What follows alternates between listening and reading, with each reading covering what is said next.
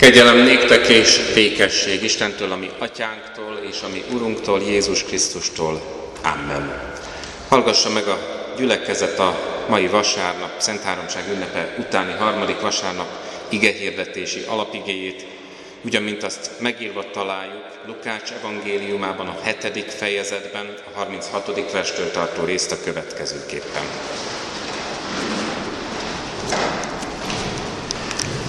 Egy farizeus arra kérte Jézust, hogy egyék vele. Be is ment a farizeus házába, és asztalhoz telepedett. Egy bűnös asszony pedig, aki abban a városban élt, megtudta, hogy asztalhoz telepedett a farizeus házában. Kenetet hozott egy alabástrom tartóban. Megállt mögötte a lábánál sírva, és könnyeivel kezdte öntözni a lábát, és hajával törölte meg csókolgatta a lábát, és megkente kenettel. Amikor pedig látta ezt, az a farizeus, aki meghívta őt, ezt mondta magában. Ha ő volna a próféta, tudná ki ez, és tudná, hogy ez az asszony, aki hozzáér, bűnös. Ekkor megszólalt Jézus, és ezt mondta neki, Simon, van valami mondani valóm neked. Ő pedig így szólt, Mester, mondd. Erre ezt mondta Jézus. Egy hitelezőnek volt két adósa, az egyik 500 dénárral tartozott neki, a másik 50-nel. Mivel nem volt miből megadniuk, mind a kettőnek elengedte. Közülük vajuk melyik szerette őt jobban?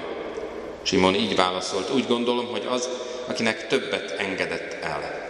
Ő pedig ezt mondta neki, helyesen ítéltél, és az asszony felé fordulva beszélt tovább Simonhoz. Látod ezt az asszonyt?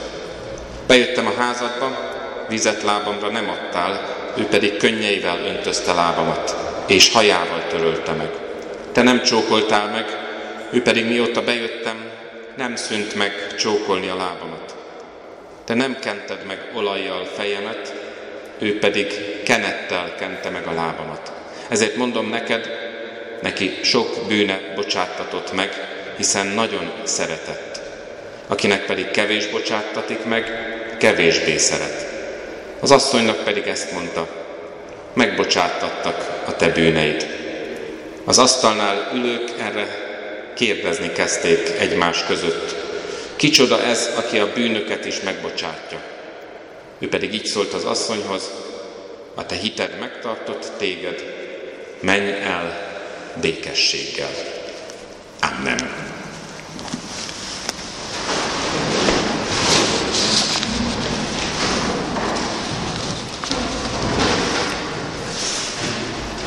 Testvérek, Sütő András írónak az egyik kedvelt regénye, az anyám könnyű álmot ígért. Ennek a regénynek a kezdetén megadja az írás ihletettségét, eredetét. Jelképes, hogy ezt a címet hordozza, ez a kezdet biztató. Majd így folytatja. Egy napon így szólt anyám, írhatnál rólunk is valami könyvet. Nocsak, néztem szavai után, majd tréfára fogva a dolgot, azt kérdeztem boltos módjára, milyen könyv legyen az, vidáme vagy szomorúságos. Igaz legyen, mondta. Láthattam tehát, hogy kérdésemmel az irányt elhibáztam. Anyám nem egyezkedésre gondolt, hanem kézmozdallatából is ítélve a fájdalomra, halánték a tájékán. Egy láthatatlan, szorító abroncsra, amely álmaiból is gyakran felriasztja. Ez nekem is gondom, adtam meg magam anyámnak. Hallgass arra a gondra, és az álmod könnyebb lesz. Az álmot anyám naphaladáskor az udvaron ígérte meg, a cöveklábú asztalnál, amely nyári napokon piros paradicsommal, frissen hámozott uborkával, mezőségi sajttal vár haza engem. Ősszel is vár, és olyankor, ha a sírós az idő, a tornác fájáról nézem, és igyekszem valamit tanulni tőle. fűzfalábaival makacsul, a földbe kapaszkodik, esőben, jégverésben tisztul, s télen is vár. Hóval borítottan, akár egy fehér koporsó. Igen, a cöveklábú asztal, amely mellett az író édesanyja megígéri, hogy ha az igazat megírod, akkor könnyebb lesz az álmod. Talán bennünket is elvezetett ez a rövid írás egy asztalhoz, egy anyai ígérethez, vagy talán bennünket is elgondolkodtatott az anyai bölcsesség, hogyha megírjuk az igazat, ha látjuk az igazat, amelyben ott van fájdalom, szenvedés, próbatétel, akkor talán könnyebb lesz az álmunk. De Jézus arra hív bennünket, hogy ő adja meg az igazat. A teológiai tantétel így hangzik, Isten az, aki megigazít. Ő az, aki nem egy anyai intelemként, hanem erővel, hatalommal igazzá tud tenni mindannyiunkat, mint ahogy ebben a most felolvasott bibliai történetben is. Krisztus igazsága az, amely szabadításra hív bűnös asszonyt, képmutató farizeust és vitatkozó tanítványokat egyaránt. Isten tesz igazzá bennünket, farizeusokat, hiszen talán ebből a történetből mi magunkat sokszor velük azonosítjuk, akik ott vagyunk Jézus asztala körül, akik meghívjuk Jézust, hogy jöjjön, legyen a mi vendégünk. És aztán mennyire igaz a példázata mi életünkre is. Meghívjuk Jézust, de elfelejtjük. Elfelejtjük a vizet, amely kifejezheti lelkesedésünket. Elfelejtjük a csókot, amely meghirdetheti a békesség hatalmát. Elfelejtjük az olajat, amely hirdetheti az Isten dicsőségét és hatalmát. Elfelejtett jelképek, erők, energiák, amelyek az Isten hatalmát láttathatják. És mi képmutató felüzeusok úgy gondoljuk, úgy véljük, hogy hát itt van, itt van a templom, itt van az ostya és a bor, itt van a testvéri közösség, amely mind-mind jelképezheti, hogy hiszen mi ezt megtesszük. És aztán Jézus megszégyenít bennünket is, farizeusokat. És azt mondja, hogy lám, ott van a világban, akár egy bűnös ember lelkesedésében, egy bűnös ember Istenre mutató erejében, egy bűnös ember tanúság tételében, hogy mennyi mindent elfelejtettünk mi, képmutató farizeusok. Isten tesz igazá bennünket, farizeusokat, mint ahogy Isten tesz igazá bennünket, bűnös embereket, akiket lehet, hogy megvet a világ, kinéz a korszellem, de Jézus vonzó jelenléte mégis erőt és megnyugvást ad, új távlatot, de leginkább bűnbocsánatot ad. Mert valahogy megéli az ember, hogy Jézusnál leteheti a bűnök terhét. Pont a múlt héten csöngetett be a lelkészi hivatalba egy kedves testvér, és mesélt el, hogy milyen jó volt templomba jönni, mert ott sírhatott. Mert ott nem nézték ki. Ha buszon sírna, akkor mindenki megvető pillanattal tekintene rá, hogy mit akar ez az ember. Ott a templomban pedig jó volt sírás közben letenni bűnt és fájdalmat, szenvedést és próbatételt. Igen, az asszony is könnyeivel mosta Jézus lábát, szájával illette, és megkente kenettel. De igazából ez a jelkép talán ma is megszólíthat bennünket, hogy Jézus tesz igazzá bennünket. Ha Jézusnál tudjuk letenni a bűnök terhét, vétkek fájdalmát, akkor lesz igazán felszabadító reményünk, hogy az Isten megbocsát nekünk. Ő nem méricskél, hogy mennyit adtunk. Ő nem kufár módjára méricskéli, hogy mit kaphatunk, hanem azt láttatja, hogy a bűnök bocsánatában hatalmas szabadulás lehetősége adatik az embernek. Isten tesz igazzá nem csak az evangéliumi történet jelképeivel, epizódjaival, dramaturgiájával, nem csak azzal a feloldozással, hogy Jézus talán ezzel a lelki tükörrel a farizeust is elgondolkodtatta, hogy mit jelent az ő képmutatása. Az elbocsátó szeretettel az asszonyt is megerősítette, hogy új életet kezdhet, hanem Isten tesz igazzá a jól ismert apostoli biztatás reményével.